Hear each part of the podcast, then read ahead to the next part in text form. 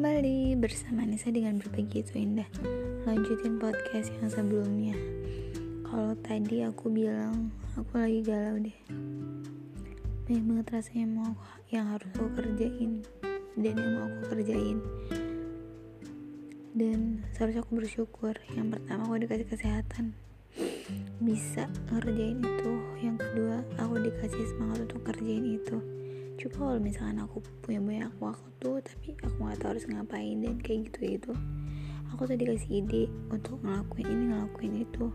Dikasih tuh petunjuk dikasih jalan dikasih kesempatan dikasih kesehatan. Seharusnya aku bersyukur dengan itu semua. Dikasih semuanya. Dan ya udah yang lain adalah bersyukur dan berusaha dengan baik untuk melakukannya. Oke terima kasih. Bye bye